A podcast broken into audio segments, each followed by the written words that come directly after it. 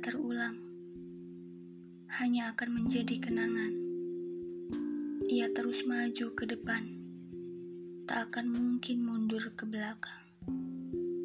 Dengan demikian, ku merasa waktu begitu cepat berlalu.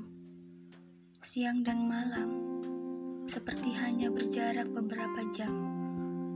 Mungkin menandakan bahwa dunia itu sesingkat sholat dan azan.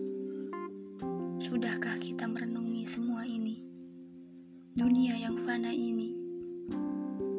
Sudah banyak waktu yang kita sia-siakan selama ini. Dosa yang kian menggunung. Namun bukannya bertaubat, malah semakin dekat dengan maksiat. Untuk kalian yang mendengarkan ini, ku berharap mulai detik ini kita bisa belajar menghargai waktu. Ingat, kita hanya singgah mencari bekal di dunia ini, bukan untuk tinggal di dalamnya.